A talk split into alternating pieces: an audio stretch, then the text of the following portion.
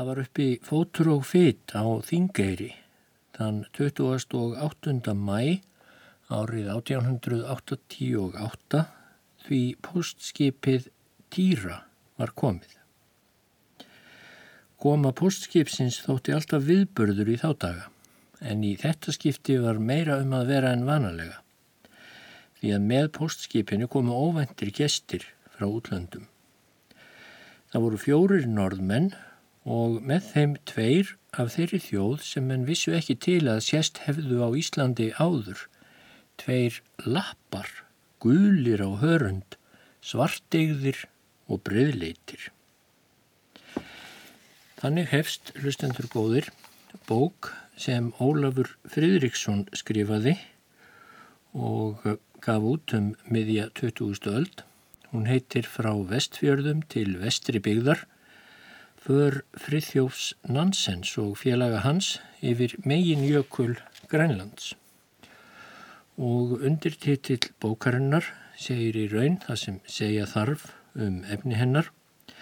Þar er líst för Frithjófs Nansens, hins fræga landkönnuðar norðmanna, yfir Grænlands jökul árið 1880 og 8 og það er í þessa bók Ólafs Fridrikssonar sem ég ætla að glukka í þessum þætti.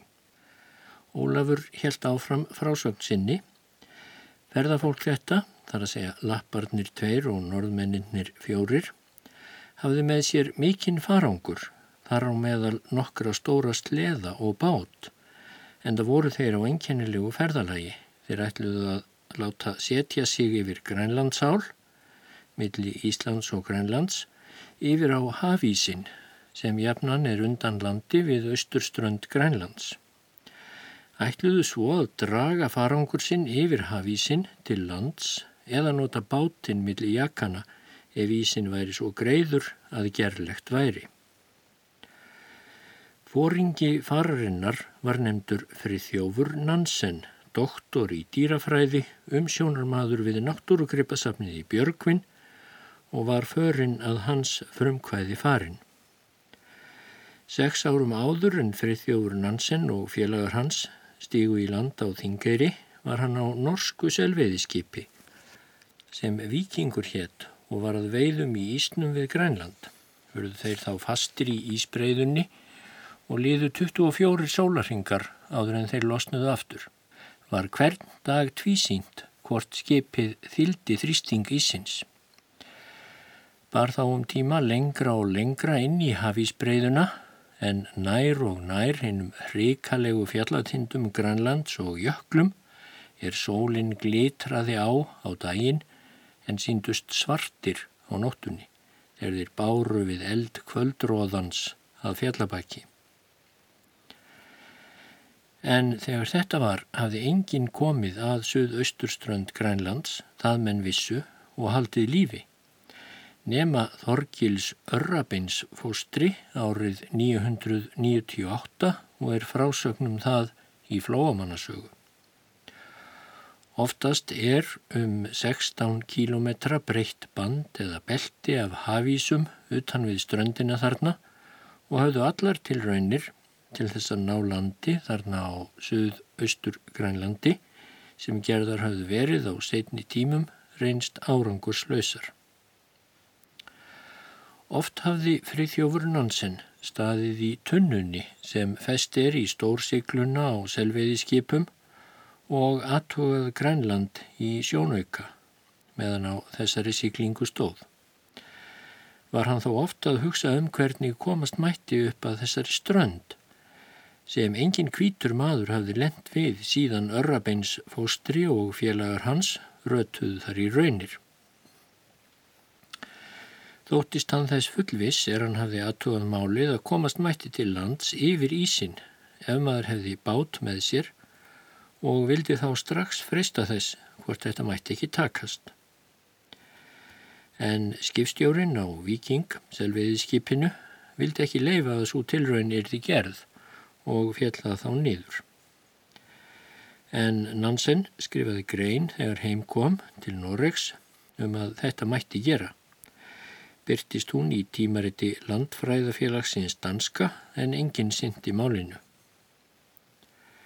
En eitt haustkvöld árið eftir er hann satt og hlustaði með hálfum huga á að lesnar voru upp fréttir úr dagblaði.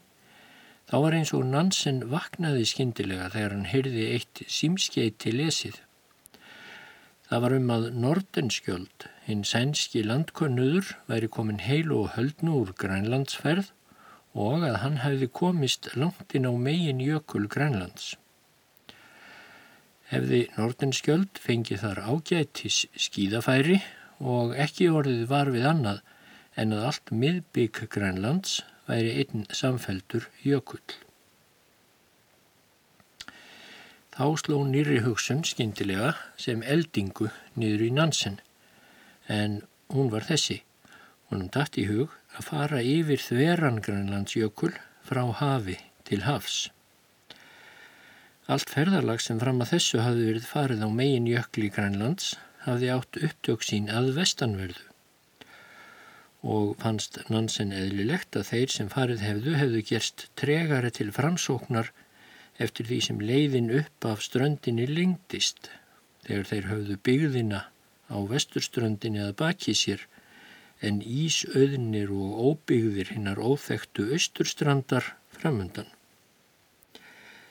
Rétta aðferðin væri að fara upp frá austurströndinni og óbyggðunum þar sem ekkert varð að hafa, því þá var annarkvort að duga eða dreppast. Annarkvort yrðu menn að komast til kjöttkalla vesturstrandarinnar eða verða matarlausir uppi á blá jöklinum. Það var þó ekkert úr framkvæmdinn í það sinn. Það var ekki fyrir en haustið 1887 að Nansen gaf sig allan að því að koma þessu í framkvæmd. Hafði hann í fyrstu hugsað sér að leita til einstakra manna um styrk til ferðarinnar en þar eða margir létu í ljósið á skoðun að rétt væri að ríkið styrti landkönnunar ferð þessa. Þá sótti hann um 5.000 krónar styrk til þess að standast með kostnaðin. En stjórnin vildi ekki eigða fyrir norskra ríkisborgara til slíkra fyrirtækja og í einu stjórnarblaði mátti lesa að það er þegar skoðast miður vel viðegandi að ríkið færi að borga skemmtiferð einstakra og sér óviðkomandi manna til Grænlands. En all flestir sem heyrðu um ferðalag þetta heiður ágerða heldu það heimsku eina. Annarkort var hann ekki með öllum mjalla þessi Nansen eða þá hann var orðin leiður á lífinu. Og hvað var svo varið í vittnesku um óbyggðir Grænlands? En þá kom Nansen hjálp úr óvæntri átt. Sunnan úr Danmörku bárust honum bóð frá manni sem var honum að öllu ókunnugur en sá maður böðist til að láta hann fá fér til umráða, jafn mikið og hann hafði sókt um en verið sinjað af Norska ríkinu. Það er rétt að geta nafns þessa manns. Hann hétt Ágústín Gamil og var hildsali í Kveipanahöfn. Hann hafði nokkrum árum áður lagt mikið fér til hins svo nefnda Djimpna leiðangurs, rannsóknar farar norður í höf og það varð úr að Gamel kostaði leiðangur Nansens yfir Grænlandsjökul. Eftir nýjárið í janúar 1888 ritaði Nansen grein í tímaritið Natúren um þessa fyrirætluðu ferð sína. Hann ætlaði að fá með sér nokkra góða skíðamenn en selveiðiskip til að flytja sig til Grænlands eða eins nærri Grænlandi og hægt væri að komast fyrir ís. Best væri að skip setti þá félaga á land norður við Skoresbísund en þess myndi ekki kostur því að þá þurft að leia sérstakt skip sem ekki myndi verða efni á. En næst því vildi Nansen helst komast að landi nálagt Danhöfða sem er beint í vestur frá vestfjörðum og Íslandi. Ætlaðan þá undir eins og hann var í lendur að leggja upp á jökulinn eða svo fljótt sem hann og félagar hans kæmu þangað upp farangrinum. Frá austurströndinni ætlaði Nansen að stefna á Bjarnæjarflóa á vesturströndinni en þar eru fyrðir stuttir og því auðvelt að ná til mannabústaða sem á Grænlandi eru aðeins á útkjálkum. Nansen gerði ráð fyrir að leiðin yfir Grænlandsjökul væri 670 kílometrar en það er helmingi lengra en frá Reykjavík til Langanes og að hægt væri að fara 20 til 30 kílometra á dag svo sjálf jökulferðin tæki ekki nema mánuð. En hann ætlaði sér að hafa með sér mat til tveggja mánada á sleðum til öryggis var nú mikið rætt í blöðum um þessar fyrirætlanir en fæst af miklu viti eða þekkingu á slíku ferðalagi.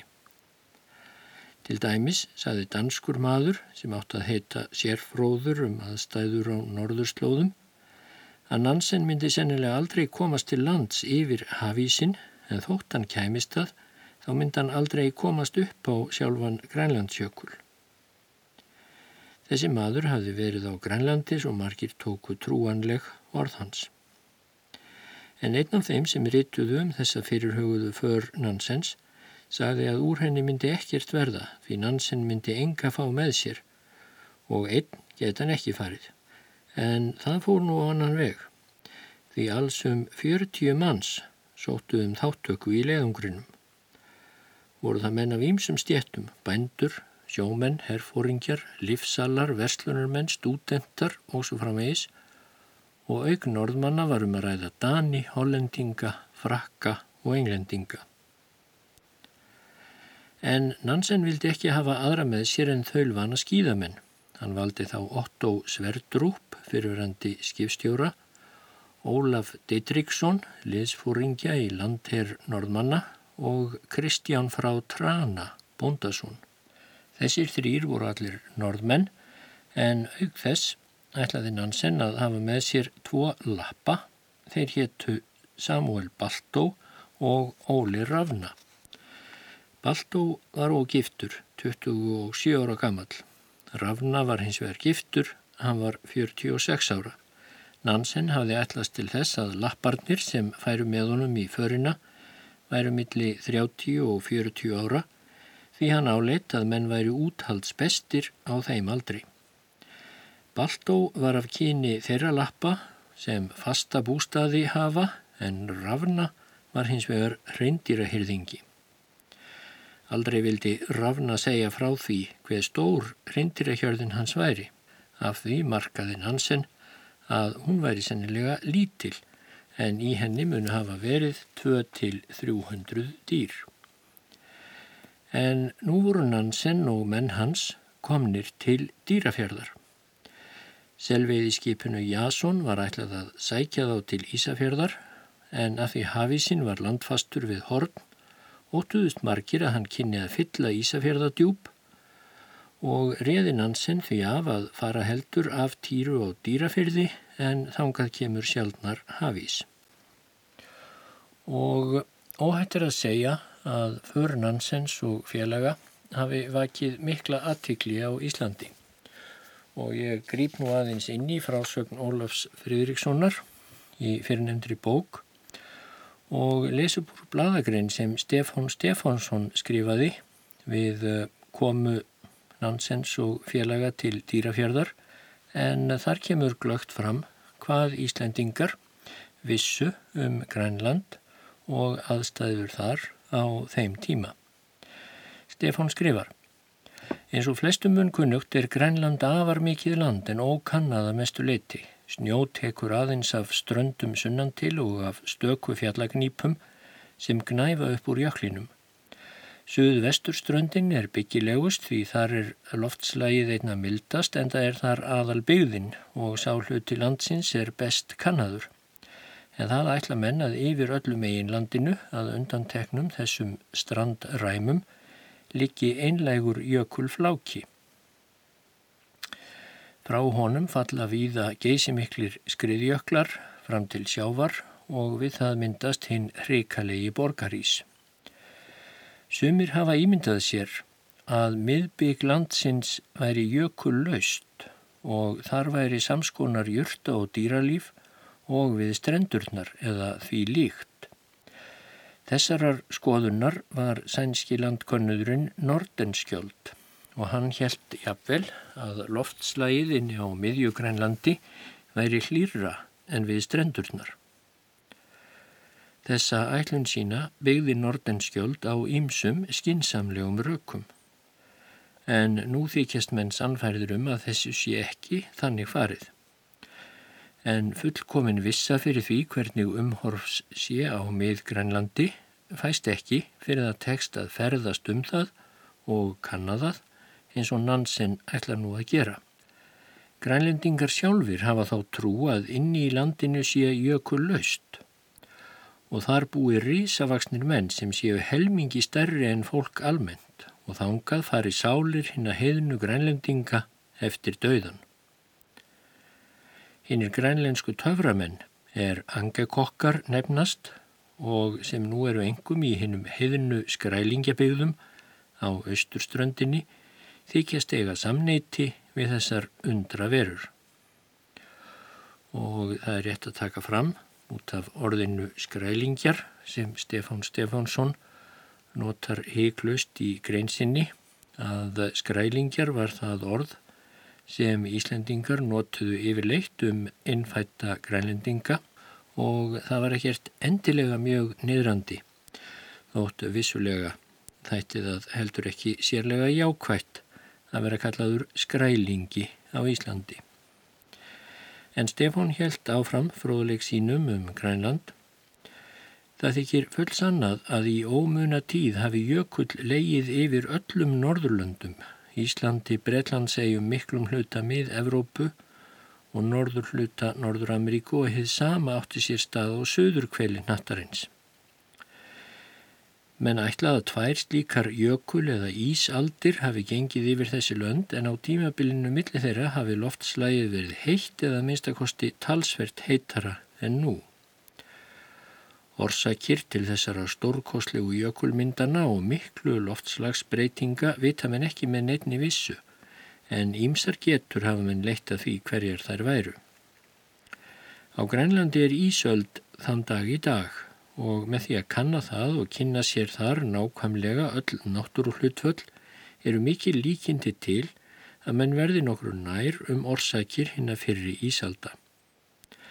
Grænland hefur heldur ekki um allan aldur verið ís í þakkið því þar finnast steindar leifar af stórvöksnum skóum rétt eins og sumstaðar hér á Íslandi.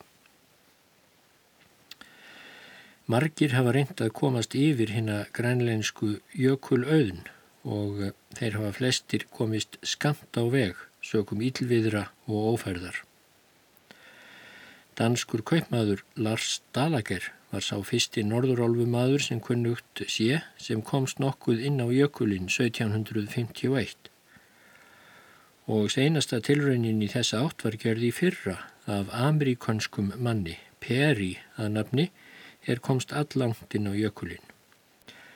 En sá sem lengst hefði komist er fyrir nefndur Nordenskjöld 1883 eða réttar sagt tveir lappar sem hann sendi frá sér á skýðum. Hafðu þeir farið um 29 mílur á jöklinum er þeir snýru aftur en sjálfur komst Nordenskjöld aðeins 15 mílur. Allir þessir jökulfarar hafa lagt upp frá vesturströndinni en Nansen ætlar að leggja upp frá austurströndinni. Leiðin sem hann ætlar að fara er miklu lengri leið en yfir Ísland frá austri til vesturs og að líkindum er yfir einlegan hájökul að fara.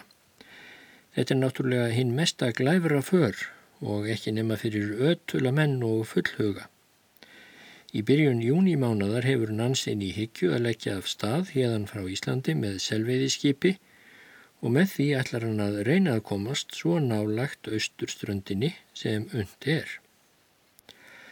Að endingu skal þess getið, skrifa Stefán, að hinn grænlenski jökull er ekki önnur eins heljar auðun eins og margir munu ætla. Á jökulfönninni þróast heilt júrtaríki þótt smávaksið sé og stórir flákar af jöklinum bera rauðleitan blæ af urmul þessara dvergjurta. En á meðal þessara snjóblóma, ef svo má segja, hærist ara grúi af örsmáum dýrum sem nærast á þeim og ægslast og klekja út ungum sínum milli snjókornana í fönninni. En þetta snjólíf er enn lít þekkt. Það má venda mikils af för friðjófs nansens ef hún hefnast vel og því ber öllum er unna vísindarlegum framförum að árna honum allra farar heilla, skrifar Stefán Stefánsson og það má svo fylgja sögunni áður en ég hef aftur lesturinn úr frásögn Ólafs Fridrikssonar að viðhorf Íslendinga til hinna innfættu grænlendinga var margvíslegt og sömur höfðu meira álit á þeim og lífsbaróttu þeirra heldur en skrælingjanafnið gæti kannski gefið til kynna. Til dæmis skrifaði skúli Tórótsen í Þjóðviljan um för Nansens til Grænlands um þetta samaleiti og eh, þar sagðan í neðanmálsgrein reyndar frá íbúum á Grænlandi. Og eh, segir þar eru þeir enn í dag hinnir einu íbúar landsins að undanskildum nokkrum dönum og evrópumönnum sem sest hafa þar að eins og bitvargar til að hyrða arðin af atvinnu skrælingja, einokunarveslun blómkast þar enn í dag. Og þarna má náttúrulega auk samúðar með málstað innfættra á Grænlandi greina merki um Dana-andúðina sem í þá daga um 1888 var að færast í hámæli á Íslandi þegar sjálfstæðis baráttan var að komast í algleiming. En þá líti ég sem sagt aftur í bók Ólafs Freirikssonar og þar var komið sögunni að Nansen og félagar hans voru að býða eftir selviði skipinu Jason sem átti að færa þá upp að Grænlands ísnum. Ekki voru komið með aðgerðarlausir á meðan þeir býðu eftir Jason, fóru þeir í rauðtúra á sjó að skjóta og í fjallgöngur og einn dag fóru þeir alla leið upp á jökulinn Glámu. Fengu þeir þaðan ágætis útsýni og sáu Snæfellsjökul söður yfir breyðafjörð. Skíðafæri var þá ágætt en helst til hart fyrir skíði þeirra því það voru stálþinnur undir skíðunum. Á heimleiðinni stiftist lappin Baldó á höfuðið fram af litlu hengi og slasaðist á fæti voru þeir í dálfum vandraði með að koma hann heim en var þó nokkur hlátur undir niðri því Baldó hafði guðmað mikið af skíðakunnattu sinni á leiðinni upp. Var Baldó svo slæmur í fæti næstu dagana á eftir að þeir heldu að hann myndi ekki geta komið með sér í grænlandsföruna og voru þeir að tala um að fá Íslending með sér en Baldó fór þá að skrýða saman.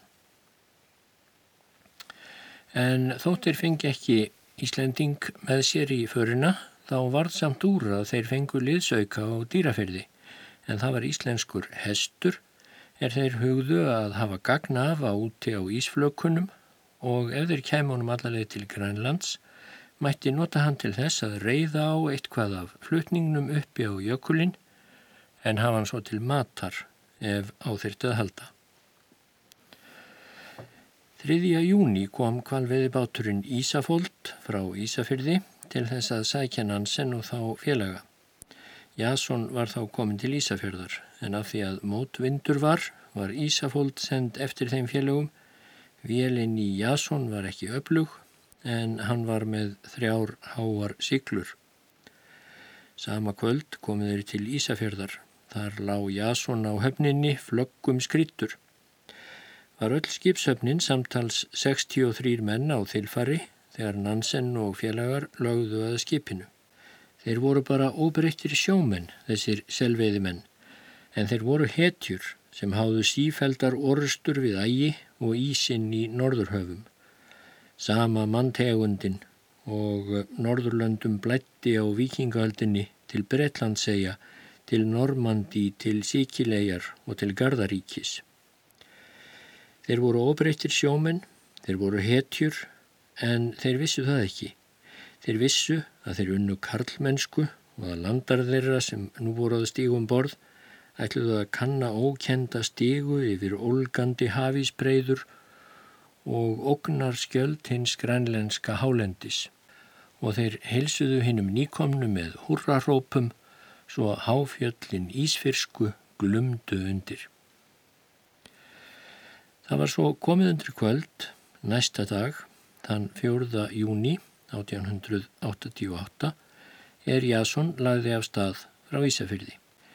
Fyldi skipinu fjöldin allur af fuggli, engum rítum og fannst leiðangursmönnum hér vera tækifæri til að reyna skotfimi sína. Æðimörgum skotum var hleyft af árangursraust en svo heitir eitt.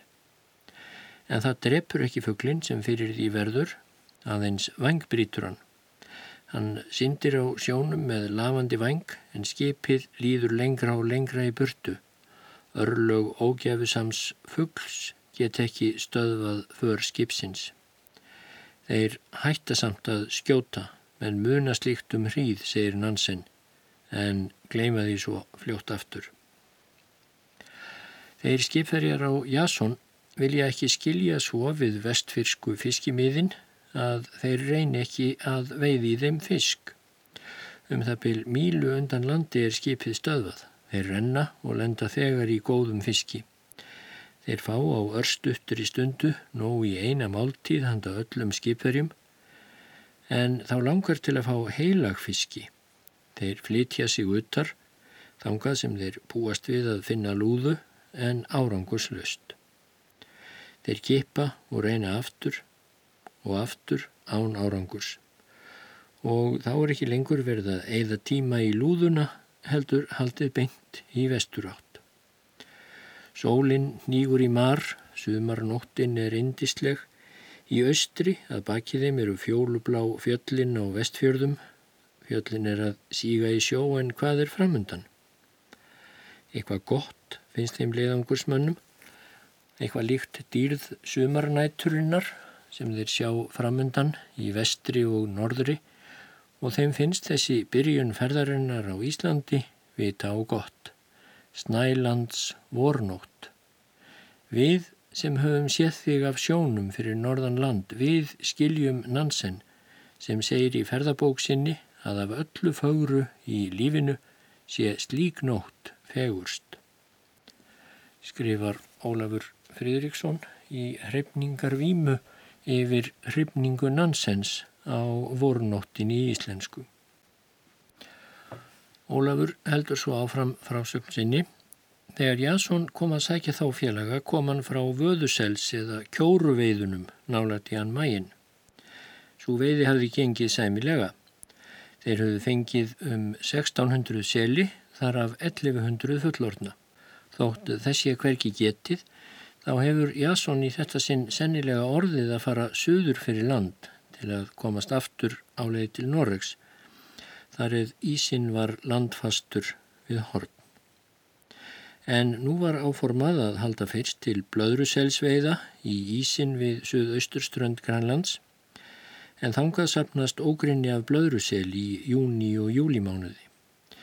Ekki vita menn með vissu hvaðan blöðruselirinn kemur en haldið er að hann komi vestan um Grænland og ekki vita menn heldur hvers vegna hann þyrpist saman á þessum slóðum. En svo veriðist sem það sé til þess að geta verið þarna í friði meðan hann er að ganga úr hárum og liggja hára hrannirnar eftir hann víða á ísnum. Blöðruselurinn er gríðarstór seltegund. Hann getur orðið meira en tveir og hátt í þrýr metrar á lengt. Hann heldur sig aðal út á reyin hafi og kæpir á ísnum. Hann er við og við skotin við Norðurland en hefur afar sjaldan sést við Suðurland.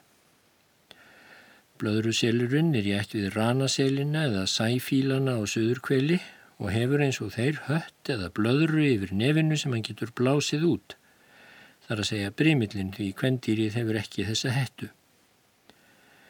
Var það almenn trú áður fyrir að selirnir getu tekið sér loftforða í blöðruna og gerðu það þegar þeir ætluð að kafa djúft en svo skoðun er talin úreld og bladran er nú álitin standa í sambandi við ástalíf selsins, vera fegurðar eða hreistimerki, ekki ólíkrar tegundar og skrautfjadrir hanans.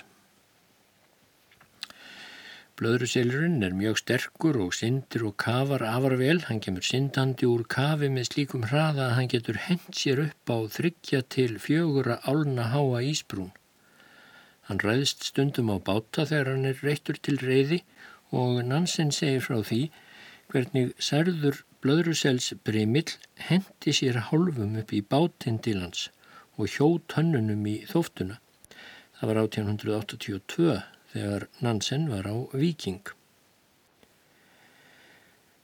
Sent í mæ fer blöðruselurinn að hópa sig á Ísnum við Östur Grænland en mestur hluti hans kemur ekki fyrir ný júni. Er mest af honum frá þeim tíma og fram í miðjan júli þá fer honum aftur að fækka. Blöðruselurinn er mjög félagslindur.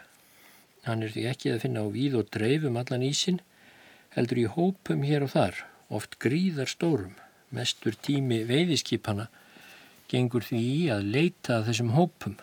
Þau halda fram og aftur með fram ísbreyðunni, farin í allar víkur og voga sem eru inn í ísnum og inn í hana sjálfa ísbreyðuna þar sem ísin er svo greiður að það er hægt. Verði selsvart á ísnum er skipinu silt hangað og helst þar inn sem selurinn er þéttastur því hann hræðist skipið minna en bátana. Svo eru bátarnir settir út, helmingur þeirra eða allir ef mikið er um sel. Þeir sem í bátana fara eru vel útbúnir af skotfærum, fatnaði og nesti. Á hverjum bát eru þrýr til fjóri ræðarar, einn stýrir með ár en skitta stendur frammi og er formaður bátsins. Þegar róið er að sel á ísnum verður að varast að komast í kvarf eftir að selurinn hefur komið auga á bátinn því hann steipir sér þá þegar í djúpið þegar hann sér bátinn byrtast úr kvarfinu. Þegar selur kemur auga á bát þá liftir hann höfðinu til þess að sjá hann betur, flytur sig nær ísbrúninni og horfir á viksla á bátinn eða niður í sjóin. Ger hann sig nú líklegan til að steipa sér í sjóin þá gefur skittan verki og ræðararnir reka allir í einu upp óp. Selurinn verður þá steinhissa, hann hlustar og hættir í byli við áform sitt um að stinga af niður í djúpið, en báturinn nálgast á meðan óðfluga með upplugum áratogum. Nú færir selurinn sig enn nær ísbrúninni, en þá hveður aftur við org, en þá lengra og ámáttlegra enn hið fyrra, og aftur hlustar selurinn og hættir aftur við að steipa sér í kaf. En brátt áttar hann sig, hætta er á ferðum, setur lumurnar fram á ísbrúnina, tegir höfuðið fram yfir hana og skýtur upp krippunni. Þegar hér er komið því það engin óhljóð hver ámátleg sem þau eru. Sé báturinn ekki komin í gott skotfæri, tekur skittan það til braðs að skjóta í ísbrúnina, bynd undir selnum svo snjóru og klakastykki kastast framann í hann. Selurinn rekkur þá tilbaka, liftir höfðinu hátt og horfir á ísbrúnina. Hann skilur ekkert í hvað þetta er, hann er óvanur slíkum góðgerðum og áður en hann er búin að átta sig á því að þetta stafi frá bátnum sem er að nálgast, þá er hann komin í skotfæri. Vel róið, segir skittan þá, ræðararnir slepp árunum, er hanga í hömlunum við bátsliðina, Skittan liftir riflinum, svo kemur kvellur og selurinn liggur steindauður á ísbrúninni. Kúlan hefur komið í ennið á honum. Síðu aðrir selir þarna rétt hjá, þá nást þeir vanalega líka. Engum með þeir sem fyrst verða fyrir skoti líka strax steindauðir. Nansen segist sjálfur hafa skotið fullan bátsfarm af selum í einu þegar hann var á viking og að hann hefði geta skotið marga bátsfarma á þeim stað því þá var búið að drepa seli allt í kring og þá hugsi sá selur sem lengraði í burtu að öllu sé óhætt því þeir halda döðu selina vera lifandi. Sé skittan aftur á móti svo óheppin með fyrsta selin að særa hann aðeins svo hann kemst undan í sjóin þá er hægt á að allir selir sem í nágrenninu eru steipi sér einnig á bólakaf. Undir eins og búið er að drepa selin eða svo marga sem hægt er á þeim stað, þá er selurinn flegin. Skinnið er rist í sundur eftir hvið selsins endilöngum frá hausnum og aftur og kápan, þar að segja skinnið og paran í einu lagi, tekin af og látin í bátinn. En skrokkurinn sjálfur er að öðru leiti skilin eftir á ísnum og er hátíðar matur, búin máfum og fíl. Vanir menn eru afar fljóttir að færa selinn úr kápunni, jáfnvel ekki nema tvær til þrjár mínútur þegar mikið likur við og geta þá haldið áfram að drepa sel. Þessar selveiðar við Suðaustur Grænland hófust 1876 og gengu ágætlega fyrstu átta árin. Hittu veiðimenn þá selin hér um byl allstæðar við Ísbrúnina og drápu hann svo tugum þúsunda skipti. Mun alls á þeim árum hafa verið drefnir um 500.000 selir. Og sem fyrir segir aðeins hyrt af þeim skinnið en skrokkurinn skilin eftir að öðru leti. Og þá fór veiðin að ganga verð, sumpart af því að selnum var eitt en sumpart af því að selurinn sem áður held sig nálagt ísbrúninni fór að halda sig lengra inn í ísnum. Það voru norðmenn sem byrjuðu þessa veiði og það eru nær engungu þeir sem stunda hana enn þann dag í dag, skrifar Ólafur Fridriksson, rétt um miðja 20. stöld. En nú eru höfð langt um minniskip til veiðana heldur en þegar Nansen var þarna á ferð 1888 en það er selurinn nú sóttur lengra inn í ísin en áður. Nú nota selveiðuminn dínamít til að sprengja skipinu leið ef ekki vill betur til og komast nú gegnum ís sem áður var talin með öllu ofær. Þegar á öðrum degi eftir að þeir á Jasson fóru frá Ísafyrði komu þeir að Ísbrúninni en þar var þá lítið um sel. Það var ekki fyrir 7. júli að það sást svo mikið af sel að skipstjóranum þætti tilvinnandi að setja út báta. Fór helmingur skipshafnarinnar í bátana og brátt heyrðust skotin úr öllum áttum en þó nokkuð dræmt sem síndi að ekki var verulega mikið um sel í þetta sinn. Því þegar það er þá rimja riffilskotin jæmt og þétt við. Þegar bátarnir komu aftur fór hinn helmingur skipshafnarinnar á veiðar. Alls fengu skipverjar 187 seli þennan dag en mest af því voru kópar. 11. júli sáu þeir á Jasson Grænland í fyrsta sinn. Þeir voru þá um það byl 15 mílur frá landi en þekktu að þetta var nálagt Danhöfða einmitt þar sem Nansen vildi helst lenda. Hér var op í hafísbreyðuna og sildi Jasson þar inn voru leiðungursmenn farnir að gera sér vonir um að sjóferðin væri brátt á enda en eftir nokkurra stunda siglingu brást svo von því þeir komu að ís sem var svo þéttur að ekki var fært að leggja í hann og voru þeir þó enn 13 mílur undan landi. Það er lengra en yfir faksaflóan þveran.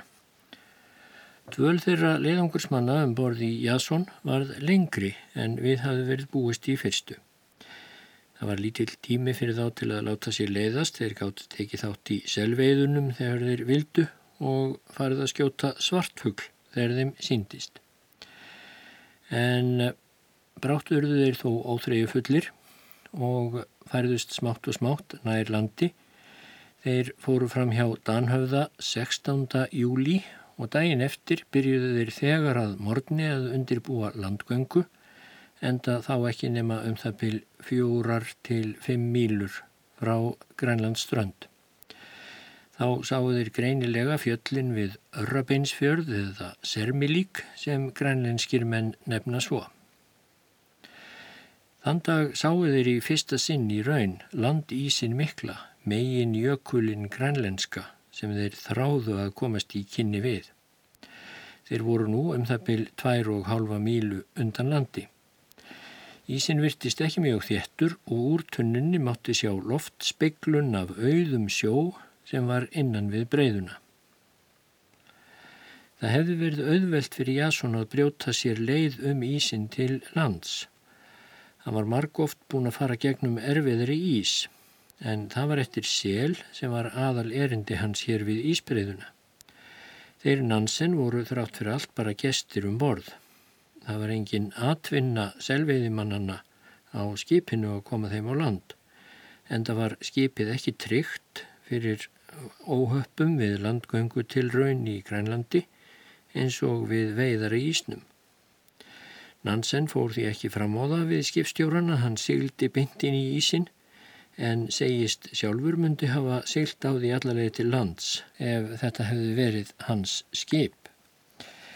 Skipstjórun og Jasson böði Nansen að lánunum bát því betra myndi að hafa tvo báta og þáði Nansen það voru nú báðir bátarnir fyrir borð, borðnir og farangur ferðamannana fluttur upp á þilfar.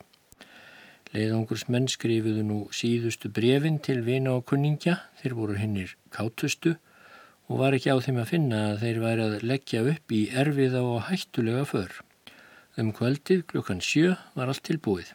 Þá voru þeir tvo og halva mílu undan minni örrabeinsfjörðar fór Nansen nú í síðasta sinn upp í tunnuna til að sjá hvaða stefnu mundi best að taka. Síðan kvöttu þeir leðangursmenn skipferja, þeir höfðu eignast marga kunningja og þessum hálfum öðrum mánuði sem þeir höfðu dvalið um borði í selviðiskipinu. Nansen tók nú stjórnina á öðrum bátnum og hafði Didriksson og Baltó sem ræðara en Sverdrup stjórnaði hinnum og hafði Kristján og Ravna með sér. Eruðu til? Ítiði drengir, saði Nansen, en ræðararnir tóku kraftalega í árenni. Svo fáðir kveðju frá Jason, það hleyft af tveimur fallbissum, en frá sext hugum sjómanna, vaskra, norskra drengja, þrjumar ferfalt húraróp sem hinsta kveðja til þeirra sem nú er að halda út í óvissuna til að kanna ókunna stigu í óbyggðum Eiríkslands hins rauða. Þegar þeir félagar voru komnir dáltið inn í ísin kom bátur og eftir þeim frá Jason með tólf mönnum sem skipstjórun hafi sendt til að hjálpa þeim á leið. En brátt komuð þeir þar að sem ísin var nokkuð greiðfær og þar let Nansen skipur hann á Jason snúa við og þakkaði þeim hjálpina. Gekk ferði nú nokkur veginn greitt, við það var ísin svo gísin að hægt var að róa en þar sem það var ekki hægt stjökuðu þeir sig áfram. En sumstaður eru þeir að höggva horn af jaka til þess að komast áfram. Það var farið að rigna dálitið áður en þeir lögð af stað frá Jason og þegar á kvöldið leið gerði helli rigningu. Þeir hafðu tekið eftir borgarísjaka einum miklum langt í vestri þegar þeir hófu för sína inn í ísbreyðuna. Undruðust þeir mjög þegar á leið hver ört þeir nálguðustan því stefna þeirra var langt um austar. Það var því fljótt ekki um það að villast að það hlaut að vera sterkur ströymur sem bar í sinn óðfluga fram hjá borgarísjakanum sem stóð á grunni.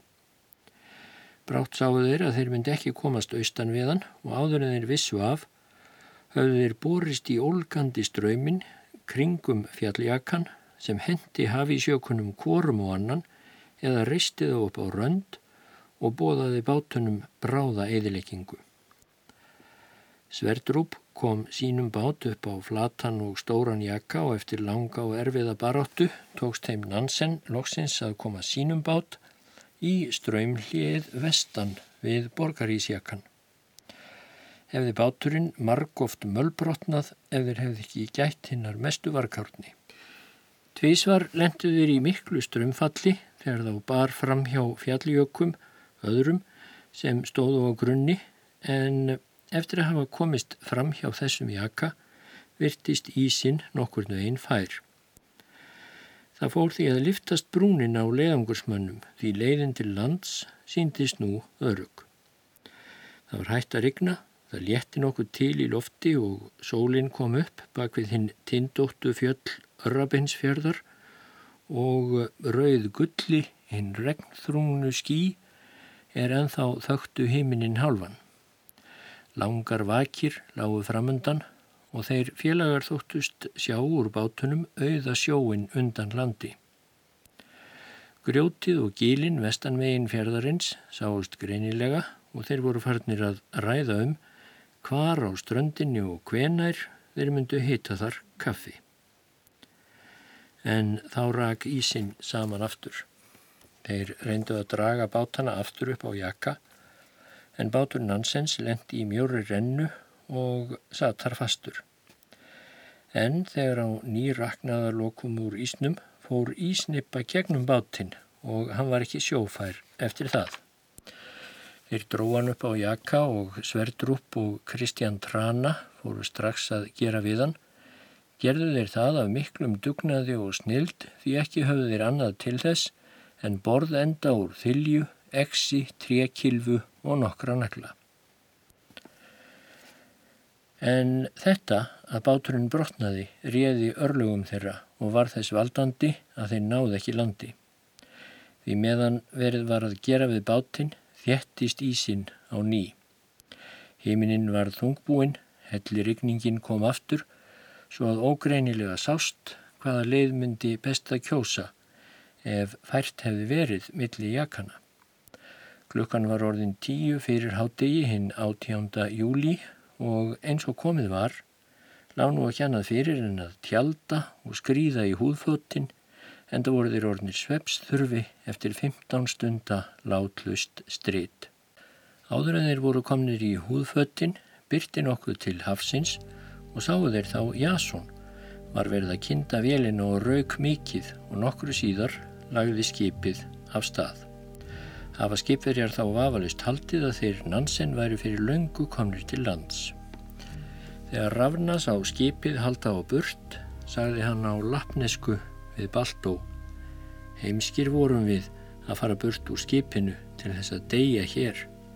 Það er engin von til þess að við höldum lífi. Stóra hafið verður vor gröf.